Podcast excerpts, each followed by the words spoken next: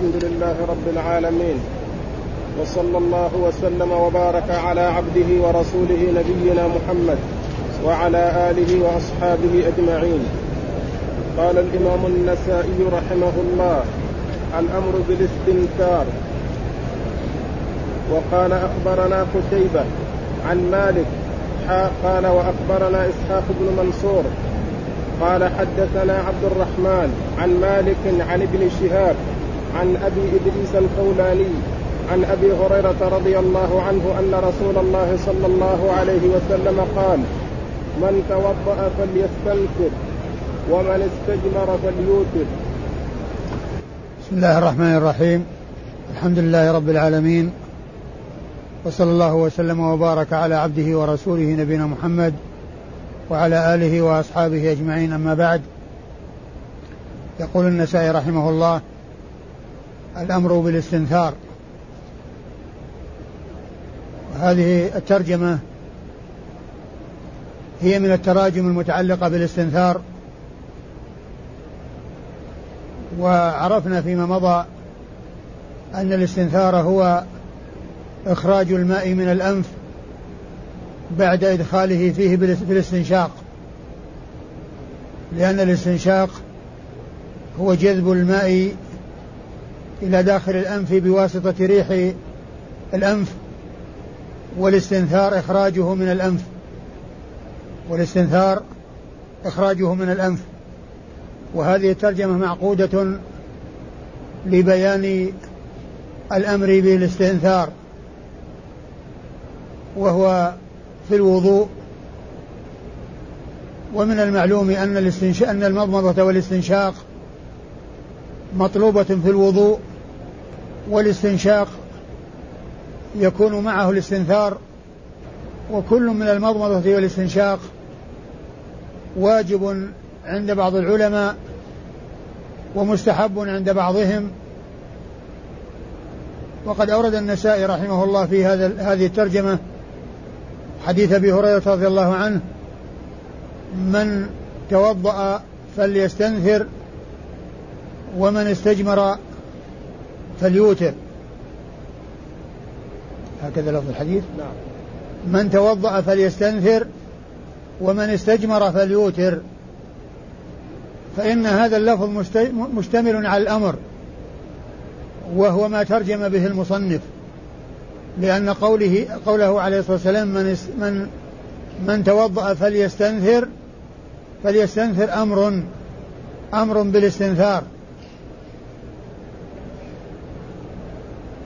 وقوله عليه الصلاة والسلام ومن استجمر فليوتر أمر بالإيتار عند الاستجمار. وسبق أن مر هذا في الأبواب السابقة في بيان الإيتار عند الاستجمار وأن ذلك سنة سنها رسول الله صلى الله عليه وسلم. وذلك أنه ورد في كثير من الأعمال الأمر بالإيتار والإرشاد بالإيتار وهذا منه وما جاء في الحديث منه وقد تقدم ذلك فيما مضى وجاء وقد أعاد المصنف هذا الحديث من أجل اشتماله على الأمر بالاستنثار وذلك في قوله عليه الصلاة والسلام من توضأ فليستنثر. ومن المعلوم أن الاستنثار فيه إخراج الأوساخ التي تكون في الأنف فالاستنشاق جذب الماء إلى الأنف والاستنثار إخراجه فيكون في ذلك تنظيفا لهذا المسلك ولهذا وتنظيف للأنف من الأوساخ التي تكون فيه. وأما إسناد الحديث إيش يقول؟ قال أخبرنا قتيبة. يقول النسائي أخبرنا قتيبة وقتيبة هو ابن سعيد ابن جميل بن طريف البغلاني وبغلان قرية من قرى بلخ وهو من الثقات الحفاظ وممن خرج حديثه أصحاب الكتب الستة. وقد مر ذكر قتيبة في الأحاديث الماضية كثيرا لأن النسائي رحمه الله مكثر من الرواية عن شيخه قتيبة بن سعيد رحمه الله. عن مالك؟ وقتيبة ابن سعيد يروي عن الإمام مالك والإمام مالك هو إمام دار الهجرة. مالك بن أنس أحد الحفاظ وأحد الأئمة في الدين وممن جمع بين الفقه والحديث فهو محدث فقيه وله مذهب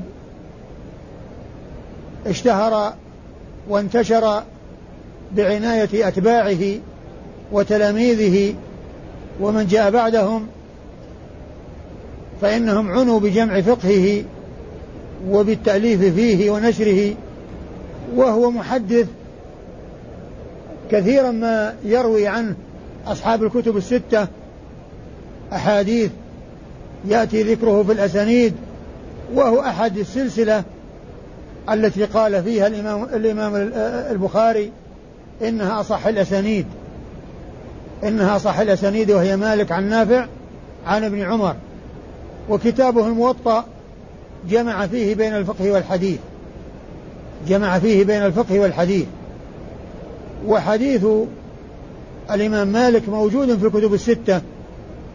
كلهم خرجوا حديثه. ثم استعمل تحويل. أخبرنا إيش؟ وأخبرنا إسحاق بن منصور.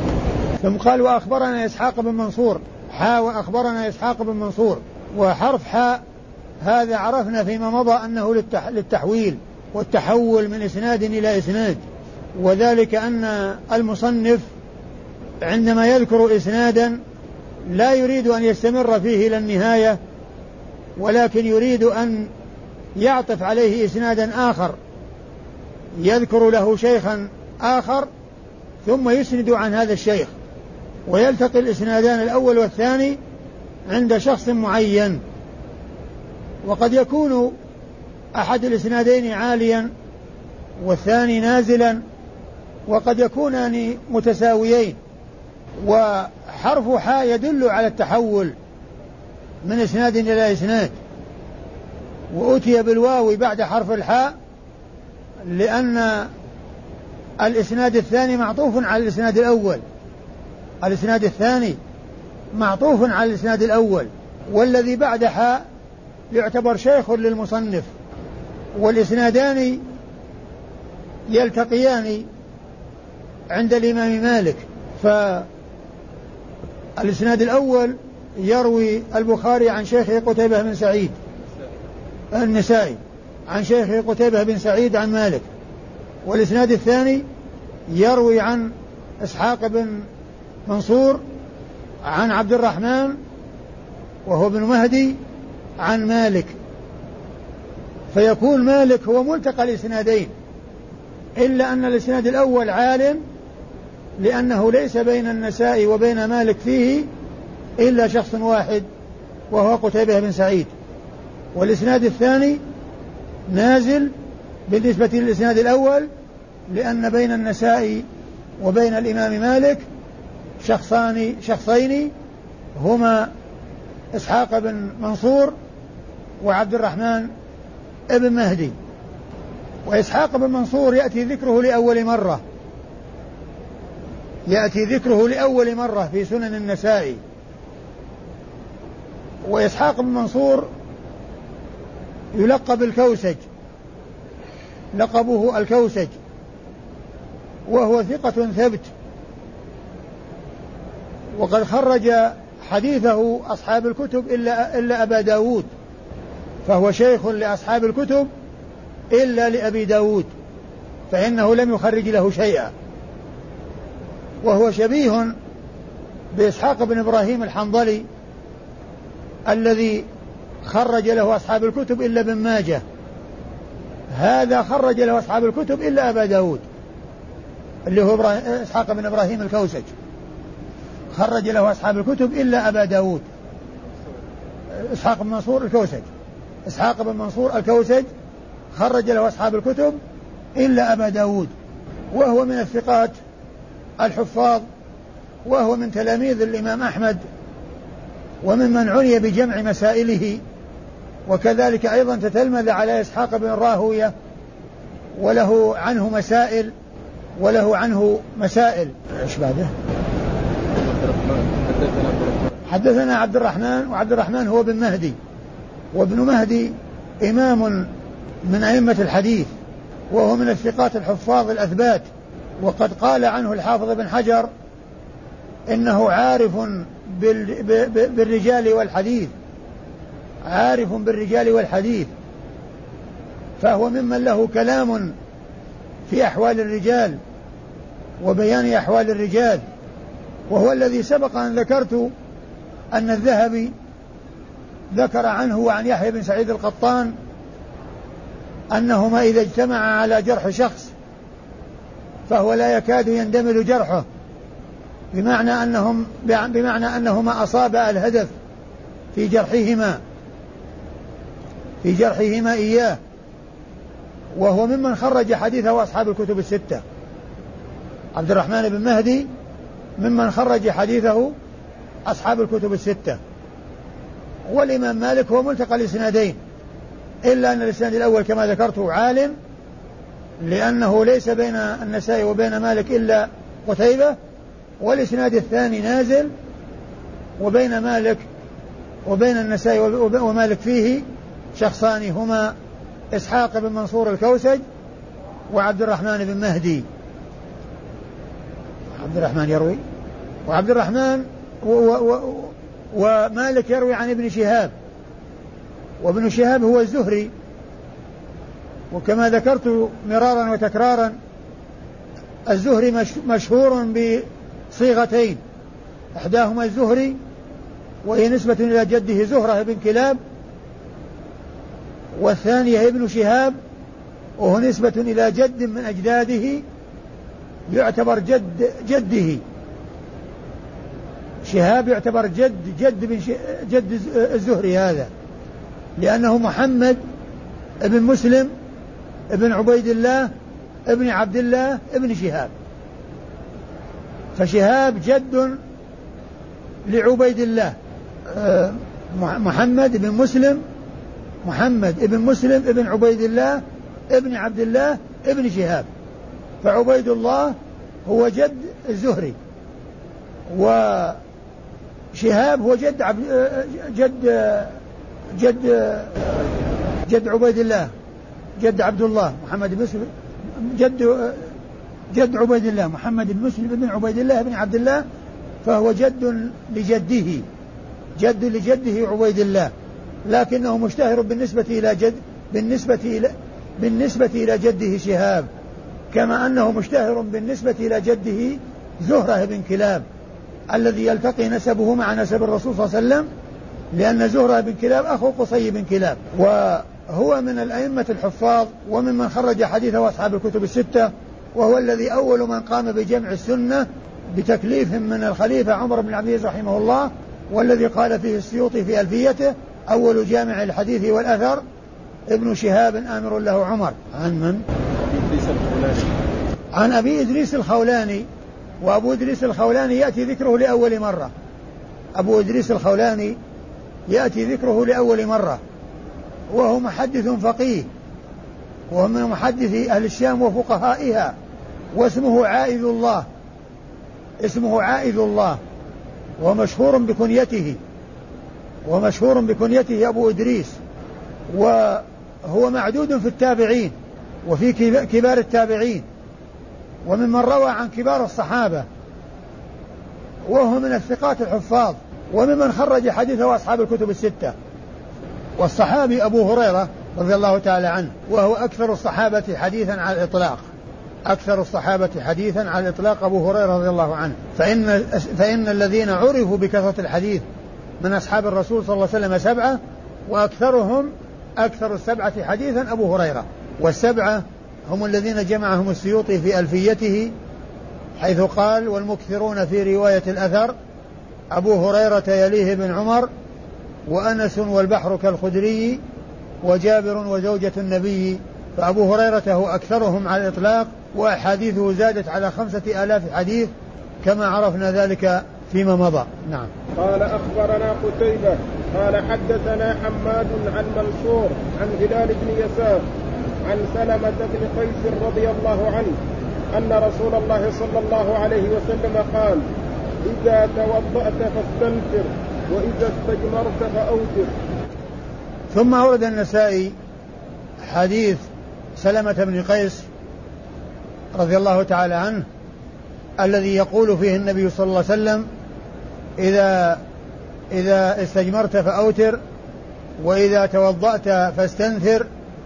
وهو بمعنى حديث أبي هريرة المتقدم لأن كل منهما مشتمل مشتمل على الأمر بالاستنثار وهو ما ترجم له المصنف لأن الترجمة الأمر بالاستنثار وهذا الحديث فيه الأمر بالاستنثار كما أن حديث أبي هريرة فيه الأمر بالاستنثار فهو بمعنى حديث أبي هريرة ومشتمل على ما اشتمل عليه حديث أبي هريرة.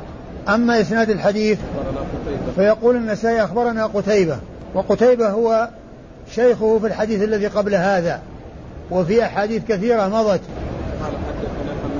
قال حدثنا حماد وحماد هنا غير منسوب وهو يحتمل حماد بن زيد وحماد بن سلمة لكن هو حماد بن زيد وليس حماد بن سلمة لأن قتيبة إنما روى عن حماد بن زيد ولم يروي عن حماد بن سلمة فإذا الأمر في ذلك واضح.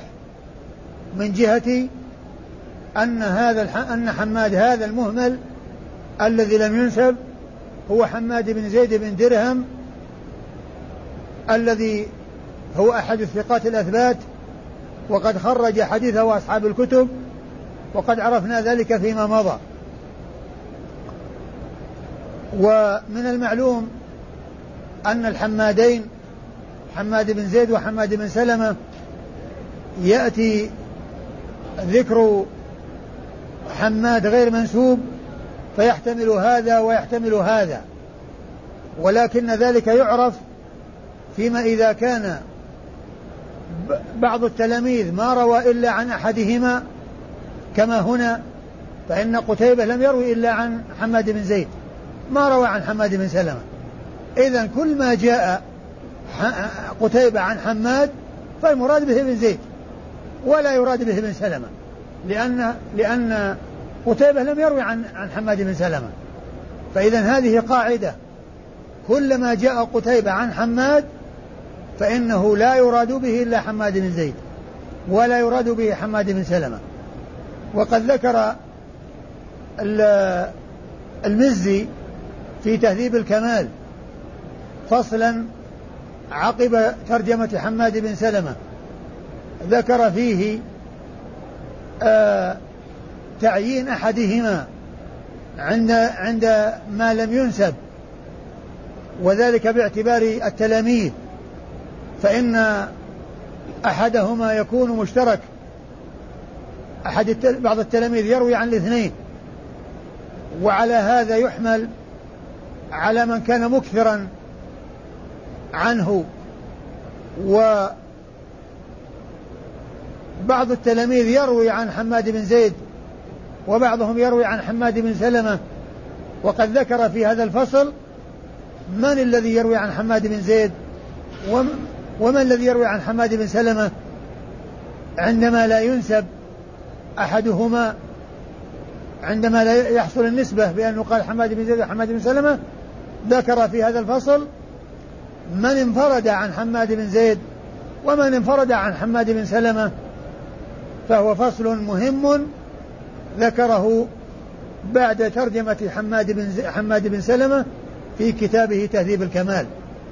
لأن الالتباس فيهما كثير فاحتاج إلى أن ينبه على ذلك بعد ذكر ترجمة حماد بن سلمة في كتابه تهذيب الكمال.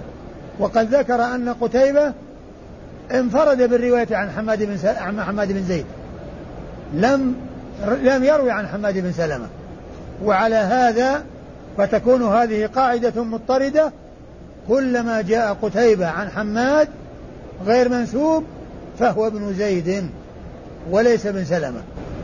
نعم. ها؟ إيش؟ صرح به عند الترمذي وابن ماجه نعم لكن هذه قاعدة. هي قاعدة يعني آه قاعدة مضطردة لأنه ما روى عن حماد بن سلمة. قتيبة ما روى عن حماد بن سلمة. نعم. قال قال حدثنا حماد عن منصور. عن منصور ومنصور هو ابن المعتمر وسبق أن مر ذكره وهو من الثقات الحفاظ وممن حد وممن خرج حديثه أصحاب الكتب الستة. أيوه عن هلال بن يساف عن هلال بن يساف بكسر الياء بكسر الياء ويقال إساف بالهمزة وهو آه وهو ممن خرج حديثه ممن خرج حديثه البخاري تعليقا ومسلم والأربعة.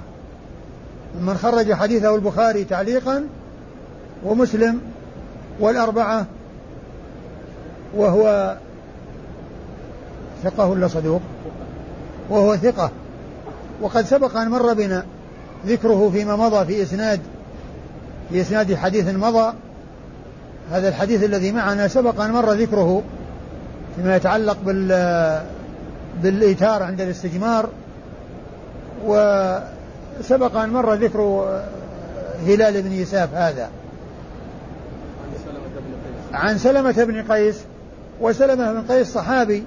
سبق أن مر ذكره أيضا في نفس الحديث فيما يتعلق في آه، ذكر الإيتار عند الاستجمار وهو صحابي آه، سبق أن مر ذكره. نعم. قال باب الأمر بالاستنكار عند الاستيقاظ من النوم. وقال أخبرنا محمد بن كنبور المكي. قال حدثنا ابن أبي حازم عن يزيد بن عبد الله أن محمد بن إبراهيم حدثه. عن عيسى بن طلحة عن أبي هريرة رضي الله عنه عن رسول الله صلى الله عليه وسلم أنه قال إذا استيقظ أحدكم من منامه فتوضأ فليستنفر ثلاث مرات فإن الشيطان يبيت على خيشومه. ثم أورد النسائي هذه الترجمة وهي, وهي الأمر بالاستنثار عند القيام من النوم. الأمر بالاستنثار عند القيام من النوم. وقد أورد النسائي فيه حديث أبي هريرة رضي الله تعالى عنه إذا استيقظ أحدكم من نومه فليستنثر ثلاث ثلاث مرات فإن الشيطان يبيت على خيشومه فإن الشيطان يبيت على خيشومه فهو ففيه الأمر بالاستنثار ولكنه هنا مقيد بالوضوء يعني إذا توضأ إذا, استيقظ أحدكم من نومه فتوضأ فتوضأ فليستنثر ثلاث مرات فإن الشيطان يبيت على خيشومه وجاء في بعض طرق هذا الحديث عند الإمام مسلم ليس فيه ذكر الوضوء. ليس فيه ذكر الوضوء وإنما هو مطلق. وجاء هنا مقيد. فيحمل المطلق على المقيد بمعنى أن الإنسان إذا قام من نومه يتوضأ ويستنثر. يتوضأ ويستنثر. كما جاء بذلك هذا الحديث عن رسول الله صلوات الله وسلامه وبركاته عليه. وعلل ذلك رسول الله عليه الصلاة والسلام بقوله فإن الشيطان يبيت على خيشومه والخيشوم هو الأنف وقيل أعلى الأنف وقيل إن هذا مطلق لكل نائم كما يقتضيه ظاهر الحديث. وقيل إن هذا وقيل أنه يخص منه من يكون حصل منه الاحتراز من الشيطان في قراءة آية الكرسي وما جاء في ذلك وما جاء مما فيه احتراز من الشيطان فإن في حديث آه، أبي هريرة في قصة آه، آية الكرسي وتعليم الشيطان آه، تعليمه لا تعليم وتنبيه الشيطان له على ذلك في قوله لا يقربك شيطان لا يقربك شيطان. الرجل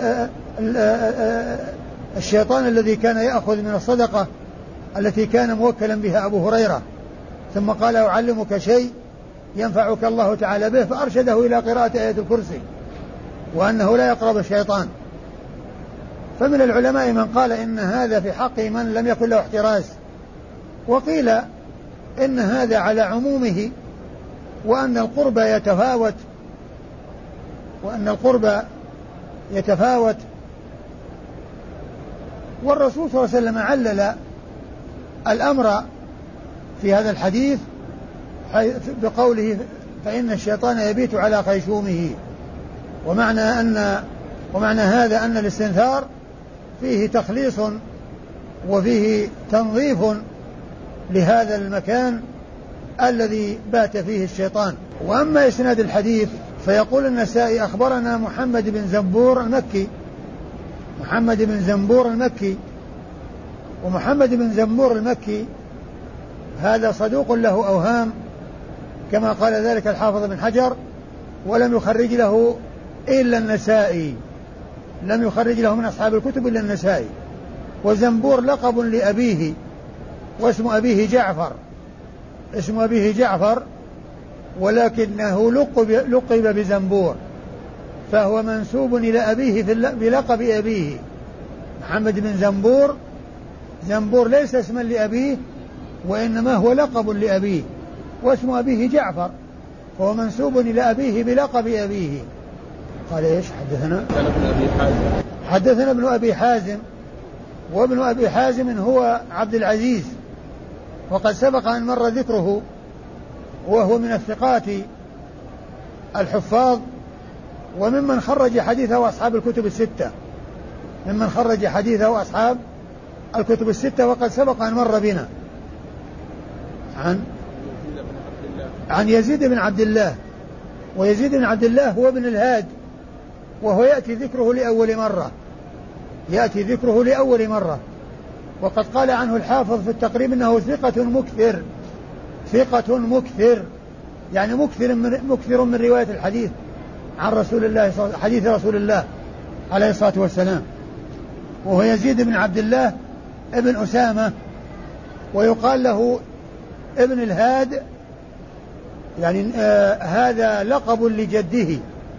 وصف به جده أسامة قيل لأنه كان يوقد النار في الطريق من أجل هداية الناس على الطريق. فقيل له الهاد أي الهادي يعني يهدي الناس إلى الطريق بإيقاد النار ليستدل بها السراة في الليل والذين يمشون في الليل. فقيل له الهاد أو الهادي لذلك هذا هو سبب تلقيب جده بهذا اللقب. ولهذا اشتهر آه، أبناؤه بالإضافة إليه بلقبه. فيقال ابن الهاد وهو يزيد بن عبد الله ابن أسامة وأسامة قيل إنه هو الذي لقب ابن الهاد. فيقال له يزيد بن الهاد. يعني نسبة إلى جده بلقبه. نسبة إلى جده بلقبه. وهو ثقة مكثر وممن خرج حديثه أصحاب الكتب الستة. وممن خرج حديثه أصحاب الكتب الستة. يعني إيش؟ يروي عن محمد بن إبراهيم وهو التيمي. ومحمد بن إبراهيم التيمي سبق أن مر بنا في حديث عمر بن الخطاب إنما أعمال بالنيات. فإن يحيى بن سعيد الأنصاري يروي ذلك الحديث عن محمد بن إبراهيم التيمي. ومحمد بن إبراهيم التيمي يروي عن علقمة بن وقاص الليث. وعلقمة بن وقاص الليث يروي عن عمر. فقد مر بنا في حديث عمر في باب النية في الوضوء. ومحمد بن إبراهيم التيمي هو ثقة وحديثه في الكتب الستة. هو ثقة وحديثه في الكتب الستة. عن عيسى بن طلحة. وعيسى بن طلحة يأتي لأول مرة وهو عيسى بن طلحة بن عبيد الله. أبوه أحد العشر المبشرين بالجنة. أبوه طلحة بن عبيد الله التيمي أحد العشرة المبشرين بالجنة. وابنه عيسى هذا هو من الثقات وممن خرج حديثه أصحاب الكتب. وممن خرج حديثه أصحاب الكتب. وطلحة بن عبيد الله صاحب رسول الله له عدة أولاد سماهم بأسماء الأنبياء. سماهم بأسماء الأنبياء وابنه عيسى هذا منهم ممن سماه باسم نبي من أنبياء الله وهو سمي على عيسى عيسى بن مريم. فله عدد من الأولاد سماهم بأسماء الأنبياء. ومنهم هذا الذي هو عيسى عيسى بن طلحة الذي يروي عنه محمد بن إبراهيم التيمي آه، وهو من الثقات وحديثه في الكتب الستة. وعيسى بن طلحة يروي عن أبي هريرة وأبو هريرة سبق آه، أن مر ذكره في هذا الدرس في الحديث الأول وجاء ذكره في أحاديث كثيرة سابقة وهو أكثر الصحابة حديثا عن الإطلاق كما عرفنا ذلك فيما مضى. والله أعلم وصلى الله وسلم وبارك على عبده ورسوله نبينا محمد وعلى آله وأصحابه أجمعين.